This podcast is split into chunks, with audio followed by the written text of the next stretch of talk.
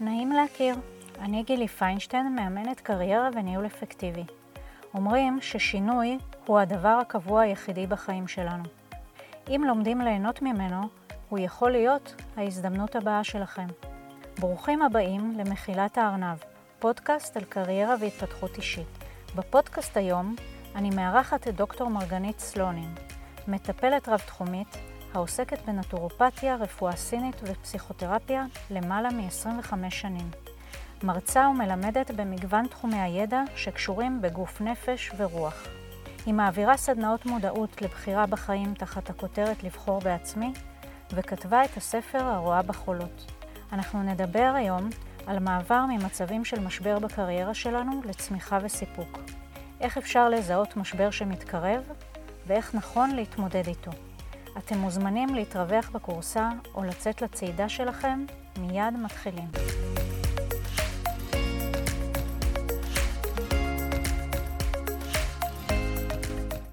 שלום דוקטור מרגנית סלונים. שלום, צהריים טובים. אנחנו נפגשות היום כדי לדבר על אה, מעבר ממצבים של משבר בקריירה לצמיחה וסיפוק. אמרת לי שלפני הצבא חווית איזשהו משבר קטן שבסופו של דבר הוביל אה, לעשייה משמעותית בצבא. זה היה בכיתה י"א-י"ב. אה, רוב החברים שלי היו בתנועות נוער, אני לא הייתי מילדי תנועות הנוער, ובאיזשהו שלב הם התהוו להיות גרעין אה, של נחל, של הנוער העובד. כל החברות הכי טובות שלי היו שם, ואני החלטתי שאומנם כל השנים לא הייתי, אבל לקחתי את השנה הזאת ואמרתי, אני ארתם למשימת ההצטרפות, מתוך הפחד הזה, שכולם יודעים לאן הם הולכים וכולם ביחד, ויש את החוויה של הצוות הזה שנותן לך גב והולך איתך יד ביד, וכל המוראות הצבא שהולכים להגיע, אתה לא פוגש אותם לבד. אמרתי, יופי, יש לי את החבורה שלי.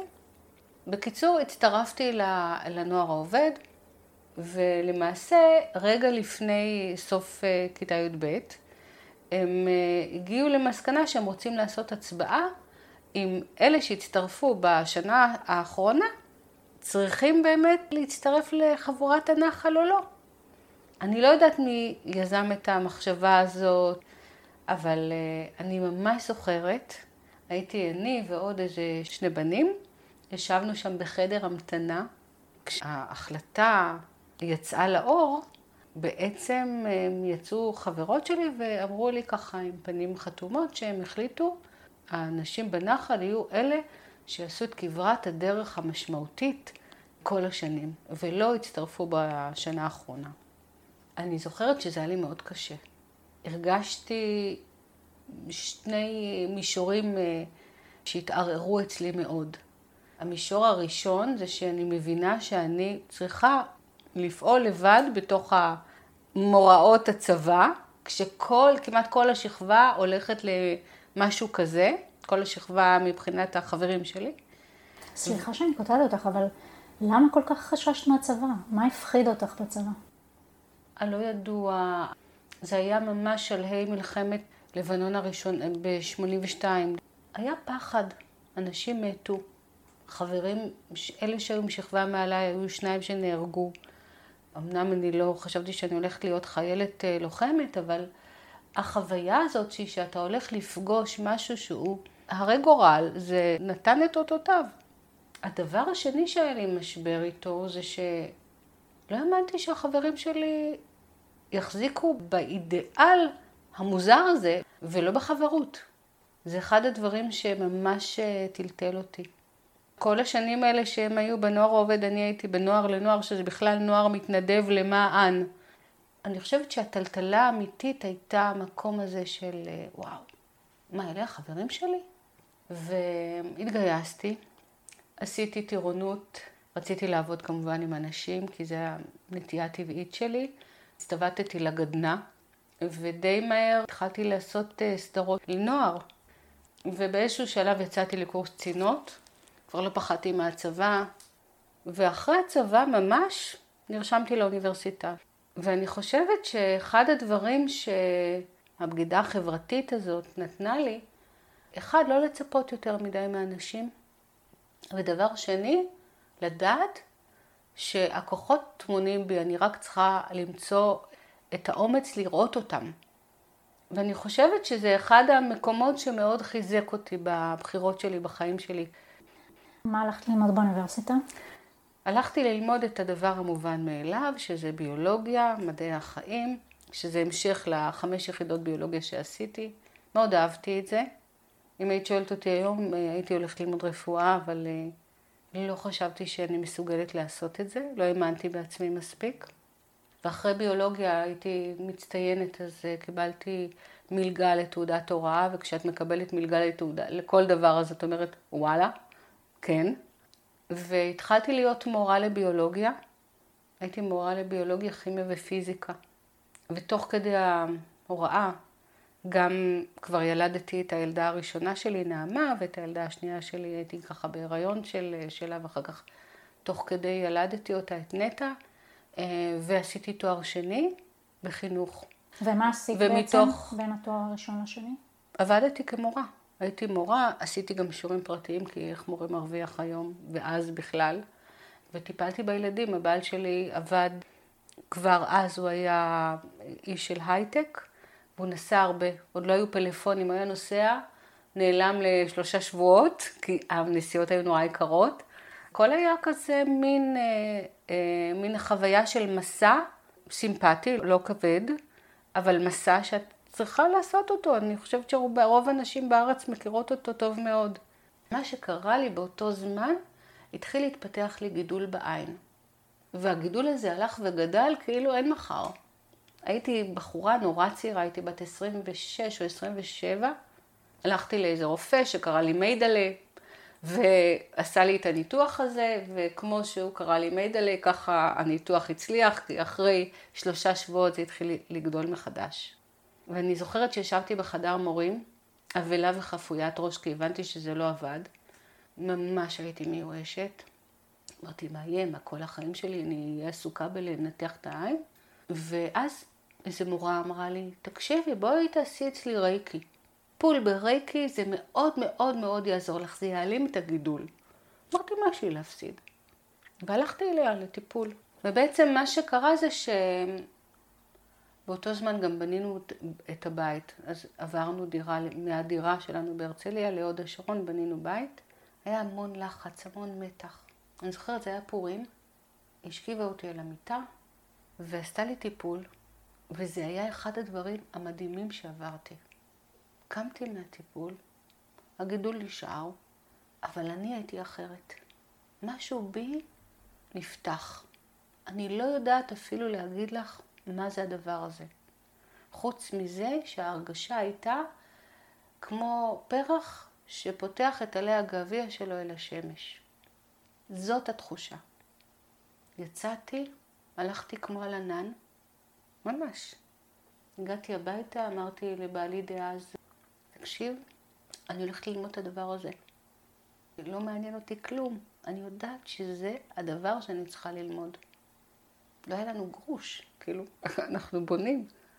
באותו סוף שבוע הלכתי ועשיתי את הסדנה הראשונה, ותוך חודש גמרתי, בלעתי את הדבר הזה. ואז מה שקרה זה שעברנו דירה, עברנו פתאום מהרצליה להוד השרון. הייתי צריכה לחפש בית ספר אחר או לחשוב איך אני מתארגנת עם הילדים ונוסעת להרצליה בכל פעם. אז זה היה דרך רחוב אחוז, אז זה היה הרבה יותר ארוך המסע הזה. לקורס או למה? לא, להמשיך לעבוד. ואז אמרתי, טוב, אני לוקחת חל"ת. הרשיתי לעצמי, עם משכנתאות, עם זה. ואני אתחיל לטפל בבית. מי יהיו המטופלים שלי? לא ידעתי כלום. ואז מה שקרה זה שהייתי צריכה טיטולים לילדות. הלכתי לסופר פארם שאני מכירה בהרצליה. אני נכנסת לסופר פארם, כמובן שהטיטולים לא שמים אותם בגובה של אימא, שמים אותם בגובה של אה, שחקני כדורסל.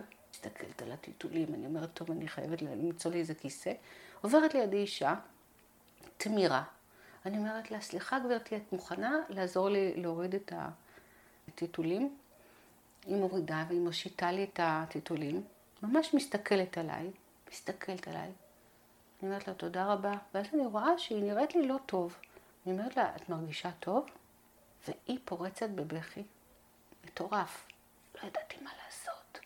אמרתי לה, רגע, אני אלך לקרוא למישהי. אמרתי לי, לא, לא, אל תעזבי אותי. הושבתי אותה, היה שם מין אה, סולם כזה דו-שלבי כזה של סופר, הושבתי אותה עליו, והתחלתי לעשות לה רייקי. למה עשיתי את זה? אין לי מושג, זה קרה. ואחרי כמה רגעים היא נרגעה, והיא אומרת לי, מה את עושה לי? אני אומרת לה, אני, אני מטפלת בך ברייקי. אז היא אומרת לי, וואי, את לא מבינה מה שזה עושה לי, זה עושה לי כל כך טוב. מה את עושה? מי את? אמרתי לה, שמי מרגנית, ואני מטפלת ברייקי. זה מה שיצא לי. היא אומרת לי, אני חייבת לבוא אלייך. וזאת הייתה המטופלת הראשונה שלי. מפה לאוזן התחילו להגיע אליי מטופלים. ותוך פחות משנה הקליניקה תפסה תאוצה. זו הייתה קליניקה בבית, והייתה חוויה מאוד טובה. כי גם יכולתי להיות בבית עם הילדים, שזה היה עשה לי שקט, וגם אה, יכולתי לטפל באנשים בשעות הבוקר. אחרי זמן החלטתי שאני הולכת ללמוד את זה, כי פתאום היו לי המון מטופלים ואמרו, אנחנו רוצים ללמוד איך לעשות את זה לעצמנו, כי ברייקי אתה יכול לטפל בעצמך. עברתי את ההכשרה והתחלתי לעשות סדנאות. בימי שישי שבת הייתי עושה סדנה כזאת של שישי שבת פעם בכמה זמן. הייתי מרוויחה מה שהרווחתי בתור מורה ויותר. אמרתי לעצמי, איך הדברים מתגלגלים ונפתחים מתוך מקומות שהם מעניינים. ושוב זה היה מתוך מקום של משבר. מתוך מחשבה שלא יהיה לי מוצא, שאני, איך אני אתמודד, איך אני אוכל לגייס כוחות עכשיו להתחיל לעשות ניתוחים בעיניים. דרך אגב, מאוחר יותר ניתחתי את אה, אחת מהבנות שלי, היא סבלה מבעיות ראייה, הלכנו לניתוח ושם המרדים אמר לי, יש לך פטריגיום? אני אומרת לו, כן. הוא אומר לי, רק לרופא הזה והזה הוא יודע לטפל בזה כמו שצריך. ועשיתי אצלו ניתוח, וטפו טפו, מאז אה, שכחתי מה, מהסיפור. ואני חושבת שהרבה פעמים משבר הוא מקום של מתנה. זה נכון שזה לא חוכמה לדבר על משברים, זה, כל משבר יש לו עוצמות משלו, ויש באמת משברים, את יודעת, שהם כל כך קוראים בנו, שאנחנו נשארים עם חוט דק מדי לאחות את הקרע. אבל אני מדברת על הסימני קריאה האלה של החיים. על הרגעים האלה שאנחנו מרגישים מפח נפש, איך אנחנו יוצאים מהפלונטר הזה. אלה משברים שהם הזדמנויות. את יודעת, בעברית השורש של משבר זה שבר. ושבר, אם נסתכל במילון ונבדוק מה הערכים שלו, שבר זה יכול להיות אסון גדול, ושבר זה גם תבואה ופרנסה. זה מעניין. מעניין מאוד. מאוד. שפה מרפאה. ויותר מזה, משבר בעברית מליצית, בעברית ספרותית, משבר זה הכיסא של היולדת. ככה הוא נקרא. זה כבר לא ידעתי. בבקשה, לא, לא מכירים את זה הרבה. אז זה מרתק, כי תחשבי, כל אישה שילדה, או שעומדת ללדת, יודעת שהיא עומדת לקראת, לקראת קריעת ים סוף ממש. היא הולכת לקבל תינוק שהיא רק מייחלת שהוא יהיה בריא ושהוא יהיה שלם ושהכול יהיה כמו שצריך. וכל המאמץ וכל הכאב וכל ההתמודדות, יש לנו בחיים שלנו כל מיני לידות. אנחנו יכולים ללדת את עצמנו בכל מיני סיטואציות ובכל מיני מצבים, אם אנחנו נהיה ערים לא למקום של למה זה קרה לי, אין לי כוח, אני מרגישה שוב קורבן, לא להיות במקומות האלה, זה מותר, זה לא שאסור לנו, ההפך, מותר לנו גם להרגיש קצת מסכנים, הכל טוב, אבל לזכור שלצד זה יש הרבה תבואה. כאילו אם אנחנו נשכיל לעצור ולהגיד מה קרה כאן, מה זה מאלץ אותי לעשות, איך אני נאלצת לגייס בתוך עצמי כוחות חדשים אחרים ממה שאני מכירה, פתאום החיים נהיים נורא מעניינים. אז אה, אנשים, אם זה בקריירה ואם זה בחיים הפרטיים שלהם, עוברים תהפוכות וסוללים משעולים חדשים בתוך עצמם החוצה ומרוויחים חיים נורא מעניינים. מה קרה כשרצית לעשות את הדוקטורט בנטורופתיה? ראיתי שיש אפשרות לעשות דוקטורט בנטורופתיה במכללת זנבר. אמרתי, סבבה. נסעתי לזנבר, אה, למכללה, ואמרתי לו, תקשיב, אני גמרתי את זה ברידמן ואני רוצה לעשות, אה, לעשות, להוציא כאן דוקטורט. מה מתבקש? הוא אומר לי, אה, את צריכה לעשות השלמות של דיקור סיני. אמרתי לו, מה הקשר? הוא אומר לי, המכללה בארצות הברית, זה אחד מהדברים שהיא דורשת. חוץ מעבודת הדוקטורט, אה, לעשות את זה. אמרתי, מה אני אתחיל דיקור סיני? איך אני אדקור אנשים? זה בלתי אפשרי. זה... אספתי את עצמי, אמרתי, גברת, זה מה שאת רוצה? תעשי. מה הסיפור שלך?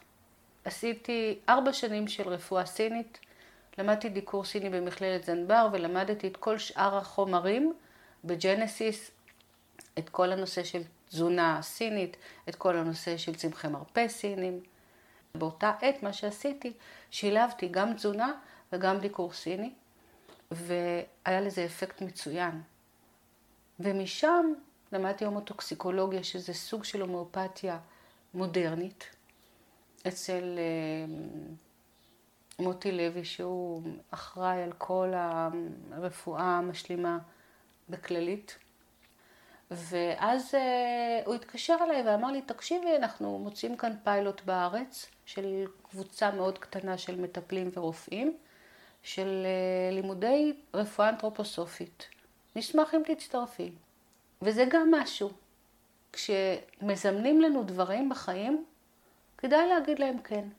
אני מאמינה שכשאנחנו יושבים טוב בתוך עצמנו ואנחנו כבר נוסעים על הדרך, כשמישהו אומר לנו, תשמעו, יש כאן סיניק ויו, יש כאן איזה מסלול, אולי הוא טיפה ארוך, אבל וואו, הנוף הורס, כדאי לך. אז uh, לאן אנחנו ממהרים? אנחנו כל הזמן ממהרים לאנשהו. ברמזור אנחנו ממהרים, בסופר אנחנו... רגע, זאת הייתה הרגשה, שהוא הציע לי לנסוע דרך סיניק ויו. וזה פתח אותי ממש לעולם חדש מאוד. כל הנושא של אנתרופוסופיה מדבר על הבשלת הנפש. וממקום של הבשלת הנפש, איזה דברים לא יושבים טוב בתוך נפשו של האדם, בחיבור של הנפש אל הגוף, ככה זאת תהיה התייחסות, ואיזה רפואות הומאופתיות אנחנו נותנים לטובת הדבר הזה. אלה היו ארבע שנים אינטנסיביות ומרתקות, כשכמובן המשכתי לעבוד כאן בקליניקה ולהיות אימא לעוד שתי בנות, אה, יש לי ארבע בנות. אני חושבת שלאורך השנים כל הזמן היה משמעותי לי להיות קשובה למה שמזמן לי העולם, גם דרך מקומות שהם לא נעימים. בגיל 42 אה, הפסיק לי המחזור. אני קיבלתי את זה מאוד מאוד קשה. אני מבינה שאני עוברת כאן משהו שהוא לא טוב לי, שקשה לי להתמודד איתו. הייתי במראה שחורה, הייתי ממש בדאון. ואז עשיתי איזו התבוננות פנימה, ואמרתי, מה קרה כאן? למה הקול הפנימי הוא כל כך עצוב? אז שני דברים נגזלו כשאין מחזור. האופציה להולדה נעלמת. עכשיו, כשהאופציה להולדה נעלמת, כאילו, אז אנשים מהסביבה יגידו לך, אבל לא רצית עוד ילד, אז מה הסיפור? זה לא. זה חופש הבחירה. זה הפוטנציאל שאת פתאום מבינה שהוא לא גלום בך. ומה שעוד נגזל זה המחזור. מה זה אומר? מחזור זה כאילו מחזור, זאת אומרת, את בווסת, את מבייצת, את בווסת, את מבייצת, יש כאן גל, והגל הזה שהוא מורכב מהורמונים, נותן לי איזושהי ידיעה שאני בדרך, שיש לי קצב, שהגוף שלי מדבר, שאני קשובה למה שמתחולל בדבר הזה שקוראים לו החיים שבי. ופתאום זה לא נמצא.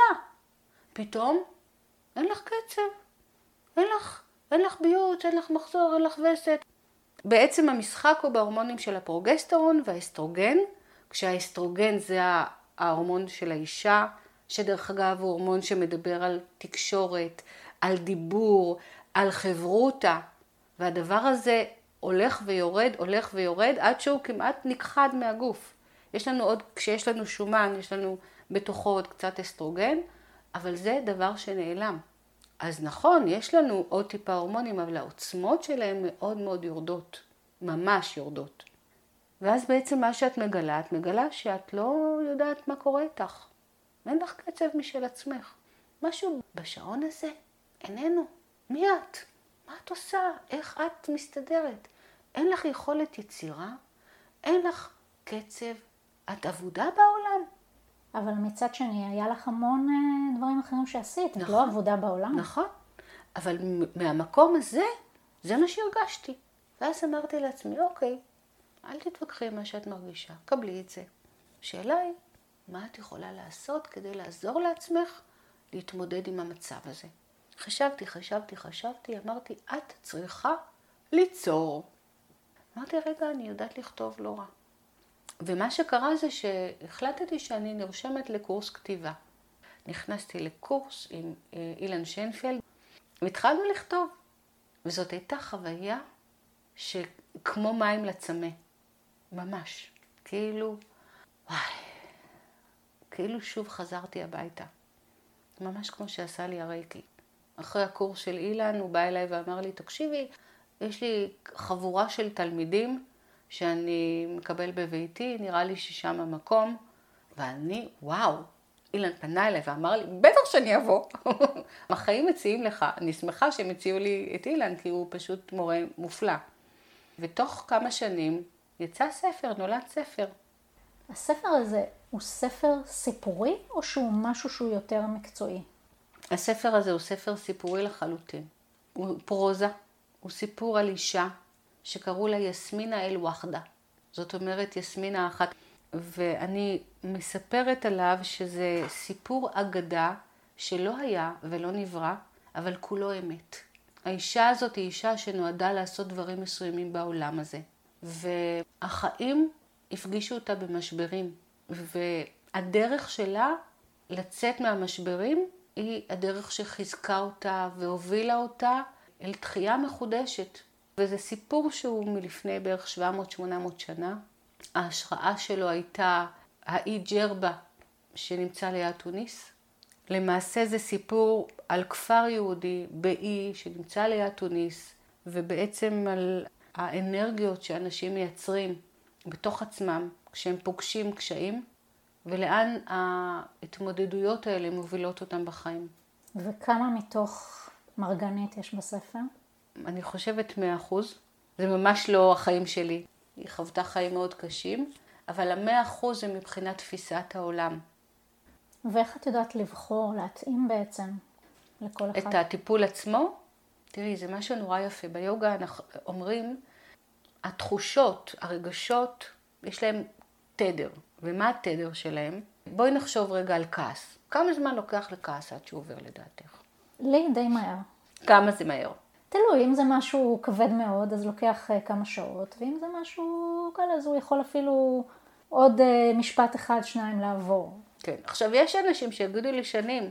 יש אנשים שיגידו לי, תקשיבי, דורות. אז בדקו את זה. את המוליכות של החוויה הזאת, הפיזית, הפיזיולוגית, של כעס בגוף. הוא עובר אחרי 90 שניות. עכשיו, את אומרת לעצמך, אלוהים, איך זה יכול להיות? בגוף שלנו, בפיזי, בחומר הכי פשוט, זה עובר אחרי 90 שניות. למה זה לוקח לנו דורות להתנתק ממנו, אם בכלל? כשיש לנו איזשהו רגש, עזבי רגע את הכעס, איזשהו רגש, איזושהי חוויה, איזושהי תחושה, היא קודם כל נובטת בתוכנו. היא צומחת, היא פורחת, היא מגיעה לאיזשהו שיא, ואז היא קמלה, וזהו, נגמר. אנחנו מכירים את זה, לא? תסתכל החוצה בטבע, אה, כוחות הבריאה במיטבם. מה ההבדל? ההבדל הוא שכשזה נובט וצומח, יש משהו נוסף שנובט וצומח נורא נורא קרוב אליו, וזה המחשבות שלנו. וכשהפריחה מגיעה לשיאה, גם המחשבות שלנו כבר מתחילות לחרוש את האדמה שם. התחושה קמלה, הרגש בעצם אמור היה לקמול, אבל המחשבות שלנו מחזיקות אותן. ואנחנו כל הזמן עבדים של המחשבות שלנו. והקטע הוא שהמחשבות שלנו חולפות במהירות האור, שזה פרדוקסלי. איך יכול להיות שמחשבה שלנו עברה, עברה, עברה, ואנחנו בוחרים להשאיר אותה, להנכיח אותה. עכשיו, אם זאת מחשבה של שמחה, שהיא תישאר. העניין הוא שרוב המחשבות שלנו הם, למה זה מגיע לי? נמאס לי. איך אני אעשה את זה? אני חושש, אני מפחד.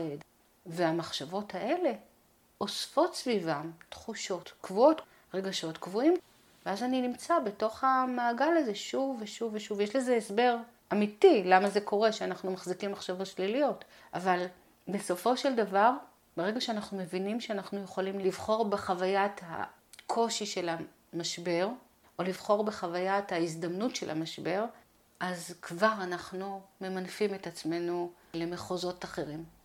ואם אנחנו לוקחים את כל מה שדיברנו עליו עד עכשיו, אנחנו מתייחסים לעולם של הקריירה, איך אנחנו יכולים לזהות? כי אני יוצאת מנקודת הנחה שאנחנו יכולים לזהות נכון. שהמשבר מתקרב.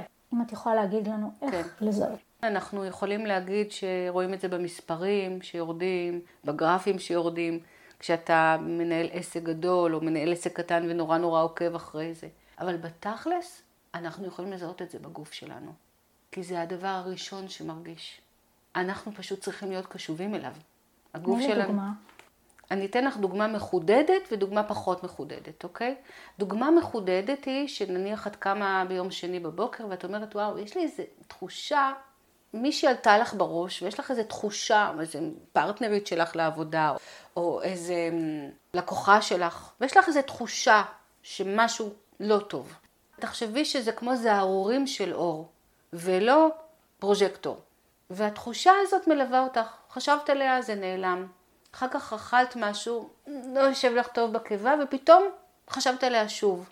ואז את אומרת לעצמך, מה אני חושבת עליה? כאילו, נעזוב את זה. אם היית מקשיבה לגוף שלך, כבר כשהוא אמר לך את השם שלה בהתחלה, ואחר כך כשזה בא ביחד עם אי נוחות בטנית, או עם איזה צוואר שטיפה מרגיש לך תפוס, או עם אך, כואב לי הגב, או כל מיני כאלה, והשם הצטוות ליד זה, או הפרויקט הצטוות ליד זה, תעצרי. יש לך חושים מאוד טובים. אבל לא תמיד אפשר לעצור. לא, תעצרי רגע, תגידי, רגע, רגע. נרשום את זה, אני אראה את זה, אני אחשוב על זה, אני אעביר את זה לקוגניציה שלי עכשיו. עד עכשיו זה היה ברמת חוויה. אני רוצה להעביר את זה לרמת הקוגניציה. אוקיי, אני רושמת, רגע. חשבתי על עליזה, על עליזה ועל הפרויקט שיש לי איתה עם כדורים ורודים. ואז אני אומרת לעצמי, למה אני מרגישה ככה? אני ארים טלפון לעליזה. היי, מה נשמע עליזה, מה קורה?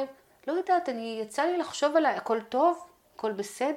ואז עליזה תגיד לך, וואי, גם אני חשבתי, אני לא שלמה עם זה. יש לי איזו הרגשה שזה לא עובד טוב, שזה לא נכון, לא מדויק.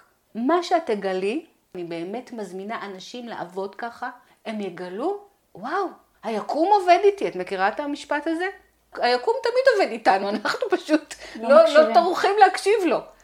עכשיו, ברמזים יותר חזקים, את יכולה ממש להרגיש את זה מאוד מונחח בגוף שלך. את חושבת על משהו או מישהו ואת אומרת, וואו, יש לי צמרמורת. את יודעת איך קוראים לזה האינדיאנים? הם קוראים לזה blessing rain. חשבת על משהו, הוא הנכיח את עצמו בצורה שכאילו יורד עלייך גשם, עצרי. יוסף, מה העניינים? אתה לא מאמין, חשבתי עליך עכשיו, הרגשתי ככה צמרמורת בכל הגוף. ספר לי מה קורה איתך. עכשיו, יכול להיות שיוסף, הכל בסדר בעבודה איתו. הכל נהדר. השותפות שלך איתו היא נהדרת, הוא מאוד מרוצה, הכל בסדר. אבל הוא עובר משהו נורא קשה בבית. והוא יספר לך את זה. כי מי מאיתנו יכול להפריד את הקריירה מהבית? הקריירה, כמה זמן היא תופסת לנו עבודה? כמה זמן היא תופסת לנו בחיים? לפחות 80 אחוז. לפחות? אין, זה חלק מהמהות של הקיום שלנו. ואז משהו מתחיל להיוולד, ההקשבה הזאת, ההקשבה הפנימית, לדעת שזה באמת הדבר הנכון, מה שהגוף שלנו מדבר. זה עוזר לנו להתחיל להיפתח לתמרורים נקרא לזה, בעבודה שלנו, בחיים שלנו. ואיך אנחנו יכולים אה, להתמודד בצורה נכונה עם משברים כאלה שצצים לנו באמצע הקריירה? אז כמו שאמרתי קודם כל, הקשבה. להקשיב לגוף שלנו, באמת. זה הבית. והבית שלנו, קודם כל זה הגוף שלנו. אז נקשיב לו. עכשיו, כשאני מקשיב לו, אז אני יכול לדעת, אני כבר מכיר את עצמי, אני יכול לדעת מתי יש לי הרמוניה ומתי אין לי הרמוניה. אנשים שמתחילים טיפה להקשיב לעצמם יודעים את זה. אחרי שאנחנו מקשיבים לעצמנו ואנחנו רואים שמשהו לא טוב, בואי נפרוס לפנינו את האמת. מה שאנחנו יכולים לראות ממנה, כי אנחנו אף פעם לא יכולים לראות את כולה. הרבה פעמים אני מתכחש למה שלא עובד. אני אומרת, לא, לא, לא נורא, אני אמשיך עוד טיפה, אני אמשיך עוד כן, טיפה. אנחנו מספרים סיפורים. אני, דרך אגב, חייבת להגיד שאני מאוד מסכימה עם מה שאת אומרת. אני קוראת לזה לדבר עם עצמי אמת. נהדר. אומרת לאנשים שמה שהם צריכים לעשות זה באמת להסתכל במראה, זה יכול להיות פיזית או מטאפורית, ולהגיד לעצמם את האמת. זאת אומרת, אתה חושב אה, מלא מחשבות, לפחות שחלק מהם תגיד לעצמך, כמו שאת אומרת, תגיד אה, מה, מה זה באמת אומר לי, מה האמת מתוך הסיטואציה הזאת. אני מסכימה איתך לגמרי. אני חושבת שהקושי האמיתי שלנו לדבר את האמת הזו נעוץ בחוויה מאוד קשה שיש לנו, שאנחנו מאוד מאוד שיפוטיים וביקורתיים. ואז שאני רואה את האמת נכחה, שאני לא מת לראות אותה, והיא כואבת לי, אני באה לעצמי בטענות. אני מרגיש שאני לא בסדר, שהייתי צריך ככה והייתי צריך ככה, ואני ישר שופט את עצמי. המוטיבציה שלי לשנות, הרצון שלי לראות את ההזדמנות שיש לי כאן מתוך ההבנה ששגיתי, הלמידה שלי היא מינימלית. כדאי לי, כשאני פורסת לפניי את האמת אחרי שהקשבתי, לבוא אליה בחמלה. לבוא אל עצמי בהכרה שיש יש כאן איזשהו משהו שהוא עלום, שהוא יהיה לי קשה לפגוש, ולכבד את זה שיהיה לי קשה לפגוש אותו.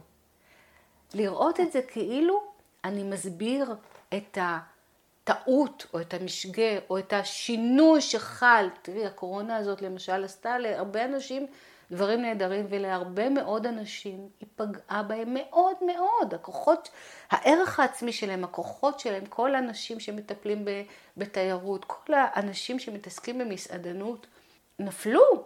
וכל האמת הפנימית, זה מה שאני יודע לעשות, זה הקול שלי, זה הביטוי שלי בעולם הזה. ואז לבוא אל כל מיני החלטות שלקחתי ולהגיד לעצמי, אני מרשה לעצמי לא לבוא אליהם בשיפוטיות, אני נותן לעצמי חיבוק. לא יכולתי לדעת, זה הטוב שידעתי לעשות, גם לא הטוב ביותר, אני לא אוהבת שאומרים, זה הטוב ביותר שידעתי לעשות. לא, לא עשיתי את הטוב או עשיתי בינוני, גם בסדר. למה צריך כל הזמן להיות נורא טוב, נורא מוצלח, נורא... תעזבו, מותר לטעות. השאלה, אם ראיתי שטעיתי, וראיתי שאני ככה הידרדרתי באיזה משעול לא נכון, או טיפסתי על הר גבוה מדי, או עשיתי לעצמי מאמץ גדול מדי ל- ליכולות שלי. אחרי שראיתי את זה, אני אומר, אוקיי, עכשיו אני מבין. חמוד, הכל בסדר, בוא נראה איך אני חוזר למסלול, או איך אני משנה את המסלול. הייתה לי אה, איזו יועצת שאמרה משפט שאני ככה הולך איתי כבר כמה שנים. היא אמרה, יום טועה, יום מתקנת. זה בהקשר של החמלה שדיברת כן. עליה. כן. בסדר, נכון, טעית, יש מחר, יום חדש, את יכולה לתקן. את יודעת, ביוגה זה נקרא להסתכל על הדבר בכחותו. כך הוא, אוקיי? זה המצב. בלי לשיים, בלי לתייג, בלי לסווג, בלי למיין, בלי לתת לזה שיפוטיות. זה קשה נורא. וכולנו בדרך הזאת, כאילו, זה עבודה. ועצם העצירה וההתבוננות גורמת לי להיות שקול. אני מרשה לעצמי לבחור מחדש. זה נשמע מצוין מה שאת אומרת, אבל במציאות האמיתית קשה לנו לעצור את עצמנו ולעשות את ההתבוננות הזאת. תני לי איזה טכניקה, איך באמת עוצרים? כי אנחנו מהר מאוד נכנסים לשיפוטיות, לטענות לעצמנו, לראות מה לא עשינו נכון, לא לראות את האפשרויות שדיברת עליהן או דרך קודם. אגב להאשים מישהו אחר. זו שאלה טובה. התשובה לא תמונה ברגע המשבר. התשובה תמונה באורח החיים. זאת אומרת, ככל שאני לאורך היום-יום שלי אפתח יותר אמפתיה אל העולם, אל עצמי, במבחן השעה, היכולת שלי לראות את הדברים בפחות שיפוטיות תתקיים. אם אני מקבלת את הגישה הזאת שלך שאומרת זה משהו שצריך לעבוד עליו לאורך שנים, איך אני עובדת על זה? אני, ברור לי שזה משהו שהוא קשור גם לעבודה, אבל הוא קשור אליי כבן אדם. זאת לגמרי. אומרת, אני צריכה לגייס לעצמי איזה שהן דרכים ושיטות התמודדות שיעזרו לי, מתוך העולמות שדיברת עליהם עד עכשיו. מה את ממליצה לו החל ממחר בבוקר, או כשהוא מסיים להקשיב לפודקאסט הזה, משהו ש... שהוא יכול לעשות. אז קודם כל לקום בבוקר, וזה שהתעוררנו, אז קודם כל להגיד תודה. להגיד תודה, כל אחד בדרכו, להגיד תודה על היום הנפלא שהולך להיות. על תודה על השינה הטובה שישנתי. לא ישנתי טוב, ישנתי שעתיים, תודה על השעתיים שישנתי. לצאת אל העולם בחוויה של הכרת תודה. בואו נפנה את עצמנו, במקום לראות חדשות שמורידות לנו את הכרת התודה, בואו נשב רגע עם עצמנו, ננשום לרגע ונתן לעצמנו עשר דקות של הכרת תודה. את יודעת, זה מעניין. כשהייתי שכירה, עבדתי בתפקיד מאוד מאוד לחוץ, וזה היה משפיע עליי גם על השינה, על כל החיים, כמו שאת אומרת. מאוד רציתי לעשות צ'יקונג, זה משהו שעניין אותי, כבר יותר מעשר שנים אני עושה את הצ'יקונג הזה, והחיים שלי השתנו. שעה בשבוע, ולאט לאט הרגשתי, בהתחלה זה היה בימי חמישי, אז הרגשתי איך הסוף שבוע משתפר. מדהים. ואחר כך זה עבר ליום ראשון, ונאלצנו, אפרופו שינויים, mm-hmm. לעשות את השינוי הזה. אז כל השבוע שלי נראה מדהים. נפלא, והחיים שלי השתנו. זאת אומרת, כבר לא הייתי בסטרס הזה. ואפרופו סטרס, אחד מהכלים הכי טובים זה נשימה.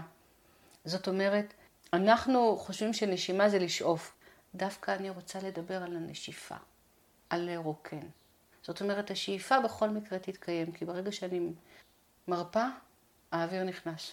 ובעצם הנשיפה היא זאתי שמאפשרת לנו לא רק לרוקן את כל העול ואת כל המצב הרגשי, אלא היא בעצם מעוררת בתוכנו מערכת שהיא נקראת מערכת הרוגע.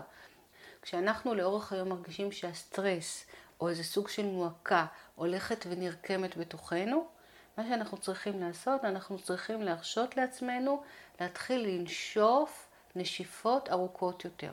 סופרים את זה בהתחלה על ארבע, ככה.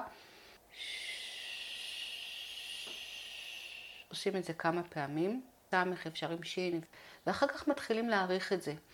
סופרים על שש, סופרים על שמונה, אפשר כמה פעמים, ארבע, שש, עשר נשיפות, ואז יש איזשהו רוגע. אם אנחנו עושים איזה שתי דקות ביום, יש חוויה גדולה מאוד של הרפייה, של חיבור לתוך השקט שלי. זה גם כלי שכשאני מרגיש שמשהו לא טוב קורה, או שאני פתאום צריך להתמודד עם איזו ידיעה לא נוחה, או אני בכלל עובד כל הזמן בסטרס, צריך לעשות את זה. צריך לעשות את זה כמו שצריך לשתות הרבה יותר מים ממה שאנחנו שותים. את מתכוונת שאם אנחנו מרגישים שאנחנו בסטרס, אז צריך למצוא את הנקודות ביום של העצירה והנשימה. כן, כי אנשים ממש. לא באמת נושמים, הם אה, חיים ורצים. נכון, נכון. ופתאום אתה מגלה, רגע, לא נשמתי עכשיו, הייתי כל כך, לא שמתי לב שאני גם צריך להכניס אוויר. ואותו דבר עם מים. כאילו כשאנחנו מדברים על רמת החומר הכי הכי דק, זה חמצן נקרא לזה, או פחמן דו-חמצני. והחומר שהוא קצת יותר צפוף שלנו זה מים, ואנחנו לא שותים מים. כמה אנשים באמת שותים שני ליטרים ביום? יותר משני, עוד מעט אנחנו נצטרך יותר. אנחנו לא שותים. עכשיו, מים, הם מרבים שני אלמנטים מאוד משמעותיים בגוף שלנו. אלמנט ראשון זה את השרירים שלנו, שרירים שלנו צריכים מים.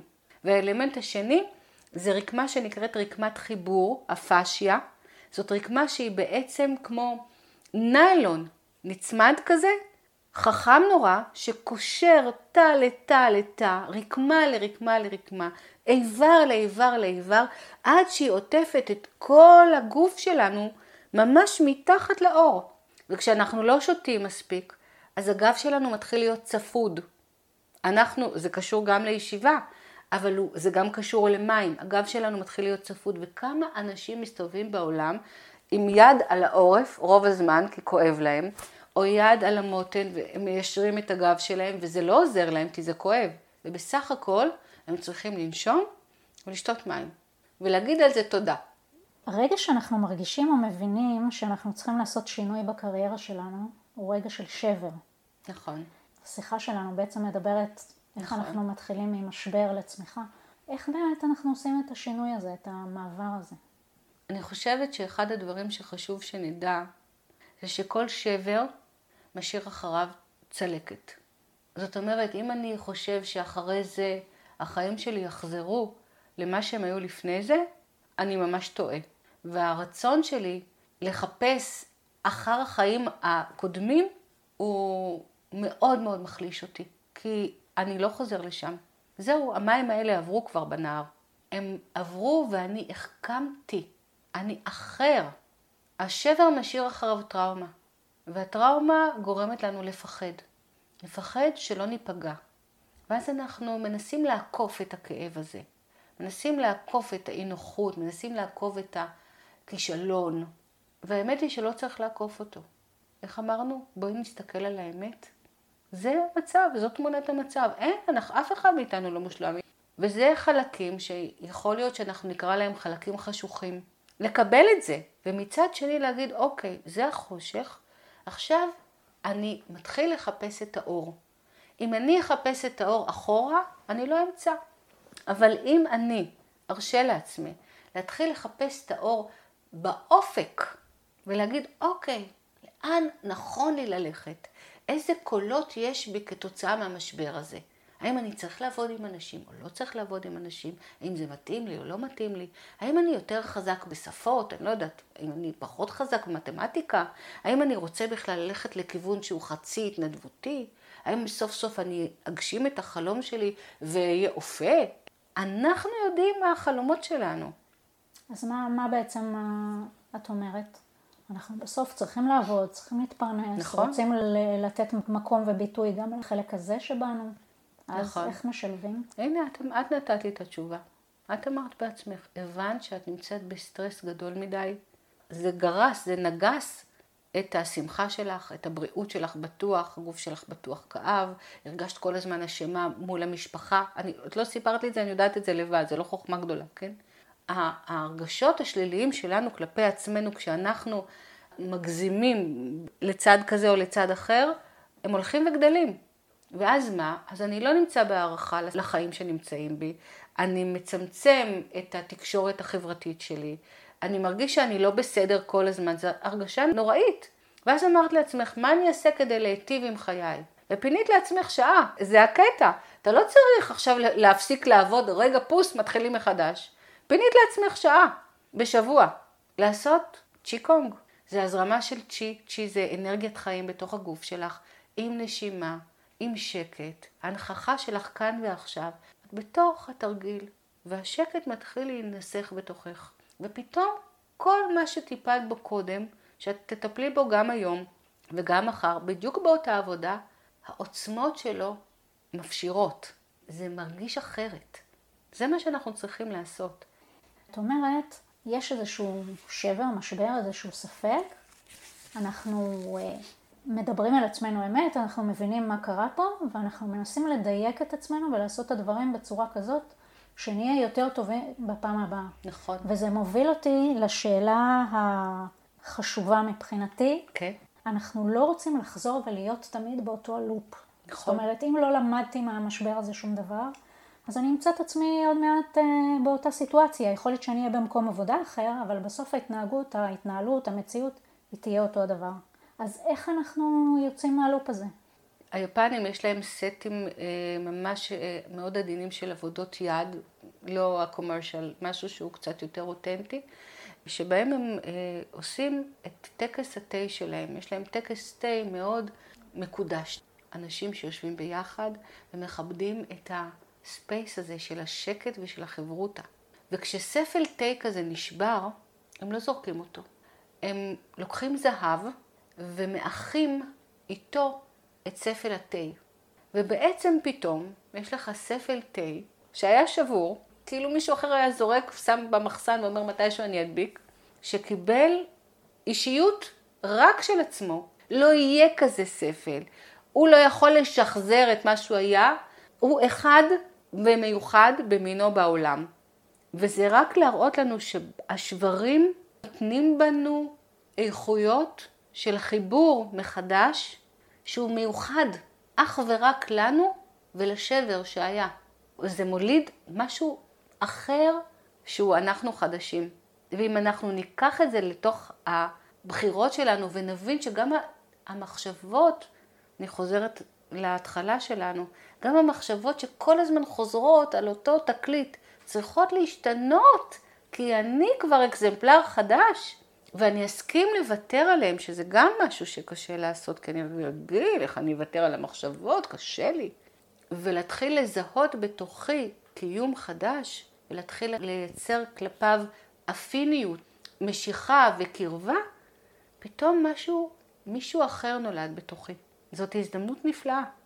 אם זה בקריירה, אם זה באפנון אחר של הקריירה. אני יכול לעשות כמעט את אותו דבר, אבל לתת לזה גוון אחר. ובטח בחיים הגדולים שלנו. איך אנחנו מבטיחים לעצמנו? מעשית. כולנו אומרים לעצמנו, אוקיי, אני לא אחזור על הטעות הזאת, או אני לא אלך עוד פעם בדרך הזאת.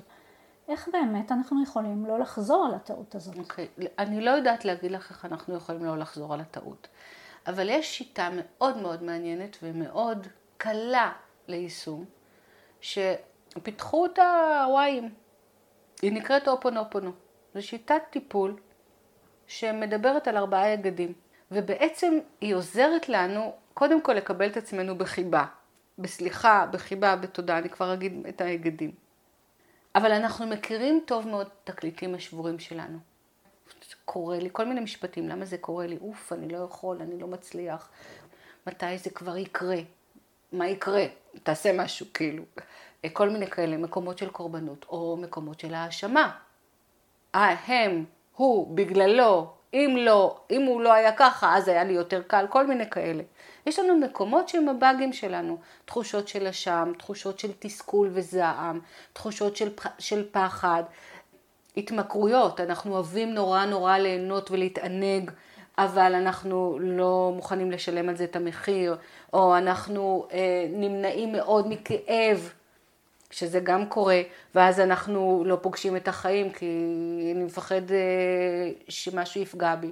יש לנו כל מיני מקומות כאלה, שהם מקומות אישיים שלנו, שאנחנו יודעים אותם. ואיתם יש לנו מחשבות, ואיתם יש לנו סוג של דיבור פנימי, ואנחנו מכירים אותו. אם מישהו שמקשיב לפודקאסט הזה לא מכיר, אז אני אגיד לו, יקירי, תתחיל להקשיב למה הראש שלך מדבר, ותתחיל לעצור ולעשות את זה ב-rewind כזה, את יודעת, תקשיב עוד, אה, רגע, זה משפט שאני כל הזמן אומר לעצמי. זה הנחה שאני כל הזמן מוציא מהפה. זה איזה מחשבה שכל הזמן יש לי עליה. אני, יכול, אני יכולה לזהות את זה בתוך עצמי. ברגע שאני מזהה את המקומות האלה, אני יכולה להגיד לעצמי, רגע, רגע, זה מקום בונה או זה מקום הורס? זה נורא פשוט. בדרך כלל זה מקום הורס. כי זו מחשבה שחוזרת על עצמה. התודעה שלנו נורא חכמה. והיא תבוא כי בדרך כלל הנטייה שלנו נטייה להחזיק דברים שדרכם אנחנו רואים את האור. ואז שאני מגלה את זה, אני קודם כל אומר תודה. תודה לעצמי שבחרתי לראות את הדבר הזה. הלא נחמד שלי. וכשאני אומרת לעצמי תודה על זה, שצדתי אותה, אני הופכת להיות ציידת מיומנת עם הזמן, אז אני יכולה גם להגיד לעצמי, סליחה, שאני ממשיכה להכאיב לעצמי. סליחה שאני מחזיקה את זה. כי כשאני מחזיקה את זה, אני כמו עושה חרירים ברקמ... ברקמות הפנימיות שלי. ואחרי שאני אומרת לעצמי סליחה, שאני מצטערת שאני עוד צריכה להחזיק את זה, שיש לי צורך להחזיק משהו שהוא לא טוב, אני אומרת לעצמי שאני אוהבת אותי. אבל לא אוהבת אותי מרגנית לתפארת מדינת ישראל, לא מהמקום הזה. אני אוהבת את החיים שבי. אני מעריכה אותם. יש לי הכרת תודה גדולה לחיים שבי. ואם יש לי הכרת תודה גדולה לחיים שבי, אז לאט זה לא כל כך מהר, אבל זה מורגש. אני אתחיל להבין שכשאני מחזיקה מחשבה לא טובה, רגש פסול שמאכיר אותי, זה כאילו שאני אקח כוס מים נהדרים, אני מתה מצמא, אני אקח כוס מים נהדרים, קרירים, נפלאים, ודקה לפני שאני אכניס אותם לפה, אני אקח רגב אדמה, אזרוק פנימה, טנף אותה, ואני אגיד לעצמי, יאללה, עכשיו תשתי. אף אחד לא רוצה את זה. ככה אנחנו עושים לעצמנו, הרבה פעמים. מול מחשבות כאלה, שבדרך כלל נמצאות ברגעים אה, של מערכת יחסים מול אנשים מסוימים, שמראים לנו משהו בתוכנו. או מצבים מסוימים שגם כן משקפים לנו אמת פנימית. כשאני נמצאת בתוך המקומות האלה, והשפה היא כמו תקליט שבור כזה, אז אני צריכה לעצור ולהגיד, וואלה, תודה, תפסתי. כל הזמן אני אומרת את המילה הזאת. כל הזמן אני חושבת על המחשבה הזאת. למי זה טוב? בטח לא לי. סליחה שאני מרחיבה לעצמי. אני מצטערת שאני מחזיקה את זה. אני אוהבת את החיים שבי, אני מבקשת לבחור אחרת. ואז לחשוב איך אני בוחרת אחרת. כשאני רואה נניח את, אה, את אימא שלי שאני רבה איתה, או את הבת שלי שאני כועסת עליה, או את השותף שלי שאני מחוכך איתו, או את הפרויקט הזה שנמאס לי ולא בא לי עליו בכלל ורק שיגמר. בכל מיני מקומות כאלה, בחיים היומיומיים, בתוך העבודה שלי. אז אני אומרת, אוקיי, איך אני עכשיו מייצר איזה מחשבה? אני כופה על עצמי, מכריח את עצמי לייצר מחשבה אל מול הפרויקט הזה, שמה זה לא בא לי עליו, איך אני בונה התייחסות אחרת אל הפרויקט הזה. ואיזה פלא, כשאני מתחיל לשנות את ההתייחסות שלי לפרויקט, ואני מזמינה את כולם לנסות אפילו בשביל הניסיון. לא רק שהחוויה שלי משתנה מולו, בדרך כלל היקום הזה, המקסים הזה, יודע להדהד אותי. זאת אומרת, פתאום משהו בפרויקט משתנה גם. לא רק אני, אלא גם בפרויקט. זה מזכיר לי איזה סיפור סיני, מאוד מאוד נחמד. על נזיר והמתלמד שלו, שככה היו צריכים להגיע למנזר, והם הלכו כברת דרך ארוכה, והם הגיעו לנהר, והיה להם עוד ככה ללכת. ובנהר פתאום הם רואים אישה ערומה. והאישה מאוד מאוד יפה וסקסית ו- ומושכת, מבקשת מהנזיר שיעזור לה לעבור את הנהר. נושא אותה הנזיר על ידיו, עובר איתה את הנהר, מניח אותה, נפרד ממנה לשלום וממשיך בדרכו והשוליה שלו לידו. מגיע הערב, הם מדליקים את המדורה, וככה רגע לפני שהם הולכים לישון אומר לו השוליה, המורה, אני לא מצליח להירגע. איך אתה, נזיר, יכולת להרשות לעצמך להרים את האישה הערומה הזאתי ולחצות איתה את הנהר, לגעת בה, לשאת אותה, להיות איתה כל כך קרוב, איך יכולת לעשות את זה? אז אמר לו הנזיר, אני השארתי אותה בצד השני של הנהר, בגדה השנייה, ואתה סוחב אותה כל היום בלב. אם נצליח את הרגעים האלה של הקשיים שלנו לצלוח בכחותם, בלי לסחוב אותם, ולהיות עדיין במקום של אה, פתחון לב ושל אה, חיוביות ושל אופטימיות ושל אנושיות, אני חושבת שהדברים הטובים יזמנו את עצמם אלינו, באופטימיות, בפתיחות, בזרימה, בכל דבר שנעשה, אם זה בקריירה שלנו, אם זה בחיים שלנו, אם זה בזוגיות שלנו, אם זה בחברות שלנו, בכל מיני מישורים. תודה מרגנית. תודה לך. אהבתם? דרגו ותעבירו הלאה. רוצים לקבל את הפרק הבא? הרשמו באתר שלי career coaching co.il ואעדכן אתכם. מתלבטים לגבי המשך דרככם המקצועית? מוזמנים להתקשר. תודה שהאזנתם, להתראות בפרק הבא.